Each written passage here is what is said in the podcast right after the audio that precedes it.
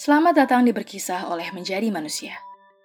Berkisah adalah segmen membacakan cerita terpilih yang dikirimkan oleh teman-teman pengikut Menjadi Manusia di media sosial. Kali ini, Puspita Yuniastuti akan membacakan tulisan yang berjudul Untuk Seseorang Yang Kupanggil Ayah, yang ditulis oleh Fanny Kania. Selamat mendengarkan.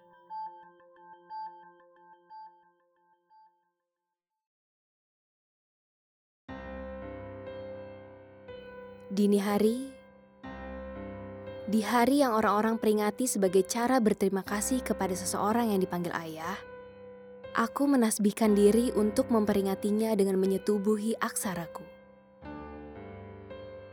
Ayah, yang kuteguk random kasihnya saat orang-orang tertidur, melewati waktu yang hinggap pada sepertiga malam yang akhir. Seperti hari ini, Kala orang-orang memasang foto wajah ayah-ayah mereka di media sosial, serta tulisan selamat hari ayah, barangkali sudah menjadi tagline teratas di hari ini. Tak lupa kata bangga serta ucapan terima kasih acap diucapkan. Aku memperhatikannya satu persatu. Lalu, foto-foto itu bertanya padaku. Bagaimana ayahmu? Pertanyaan tentang ayah selalu sukses membawaku ke hadapan air mata. Ayahku, ayahku tidak menjual kesabaran juga tidak menjual kasih. Ayah hanya seorang sederhana yang menjadikan sabar sebagai iman dan kasih sebagai teman hidupnya. Ayah tak pernah meminta imbalan atas semua itu. Di mataku, Kehebatan seorang ayah terletak pada tanggung jawabnya. Akhir-akhir ini aku sering menyalahkan ayah. Menyalahkan pekerjaan ayah yang baru ku ketahui sebagai buruh harian lepas dengan gaji yang jarang sekali mampir ke dompet ayah. Terlebih keseharian ayah yang selalu menunggu orang membalas jasanya dengan rupiah. Aku sadar, aku sudah harus mandiri Menggantungkan diri hanya pada penghasilan ayah rasanya mustahil. Selain itu, ketika aku pulang dari lelahnya ibu kota, bukannya menyapa kabar, aku lebih sering menyanyikan keluh. Uang harian yang selalu kurang, biaya kos bulanan yang naik, uang kuliah tunggal yang kadang untuk membayarnya perlu perdebatan pinjam sana-sini. Aku malu sekali bila urusan keluarga jadi konsumsi orang sekitar. Aku terus menuntut ini itu pada ayah. Karena aku merasa perlu mendapatkan hakku sebagai anaknya. Namun di hari ini, aku ingin menjadi ayah. Aku melihat tubuh ayah yang meneriakan sakit. Belum lagi ketika mama iseng bercerita kalau ayah tiba-tiba pendarahan. Aku tidak tahu apa-apa tentang kabar itu hingga kemarin. Rasanya perih menggelayuti sekujur tubuhku yang penuh keegoisan. Aku seperti ditampar habis-habisan oleh hidup. Aku tidak tahu. Bila siang tiba, ayah selalu menunggu di depan gerbang rumah orang yang memeras jasanya hingga sore menjelang untuk menerima kompensasi atas kewajibannya, yaitu gaji.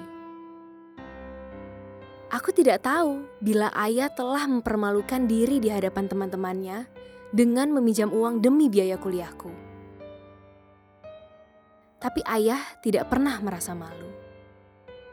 Aku tidak tahu bila sebenarnya ia sakit. Ia hanya bilang, "Ayah lagi pusing. Maaf belum bisa jemput kamu di stasiun." Ketika membaca pesan itu, rasanya kesal karena aku kelelahan dan terpaksa naik kendaraan umum. Transportasi online nyatanya tidak toleran dengan uang sakuku sebagai mahasiswa yang serba hemat. Jujur kuakui, hidup di ibu kota sangat sulit kujalani. Seolah aku dituntut untuk menyanggupi segalanya. Dan tak jarang, aku menyalahkan ayah atas kesulitan ini. Lalu ketika tiba di rumah, aku mendapati ayah sedang berbaring di ranjangnya dengan selimut merah, memeluk erat tubuhnya yang tambun. Bila ku perhatikan, rambut putih terlalu cepat memakan tiap helai hitamnya juga tangan dan kakinya yang tidak sekuat saat ia menggendong kedua anak kembarnya dengan gagah. Setelah melaksanakan dua rakaat rindu pada Tuhannya, pekerjaan ayah pagi hari adalah menunaikan tanggung jawabnya.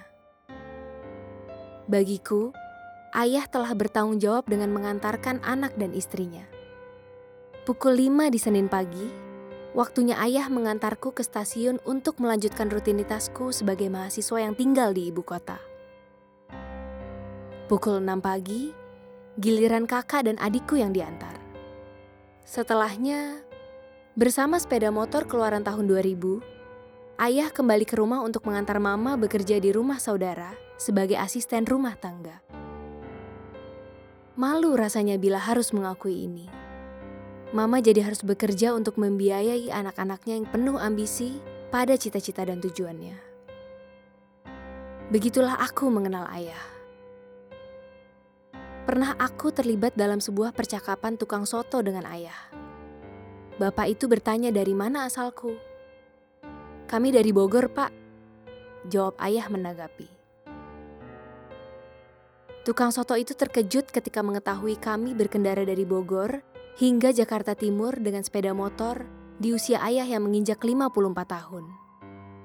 Bapak itu tegas mengatakan dirinya tidak sanggup bila ada di posisi ayah. Betapa saat itu aku bangga dengan orang yang sedang menyantap suapan terakhir sotonya itu di sampingku. Aku bangga pada ayah dan aku berterima kasih. Karena ayah yang menjadi ayahku. Sebagai anak, baktiku hanya selembar daun kering yang gugur karena terlalu tua. Sulit untuk jujur bila aku pun menyayangi kedua orang tuaku. Kuwakafkan diri ini untuk menerima segala lelah yang menuntut keharusan untuk menerima rasa sakit yang kadang melemahkan, untuk menopang tubuh yang menanggung amanah, dan demi juang yang panjang untuk menjadi manusia utuh. Ayah, Mama, tunggu sebentar lagi. Anak-anakmu sedang berjuang untuk memberikan kehidupan yang layak dan lebih baik.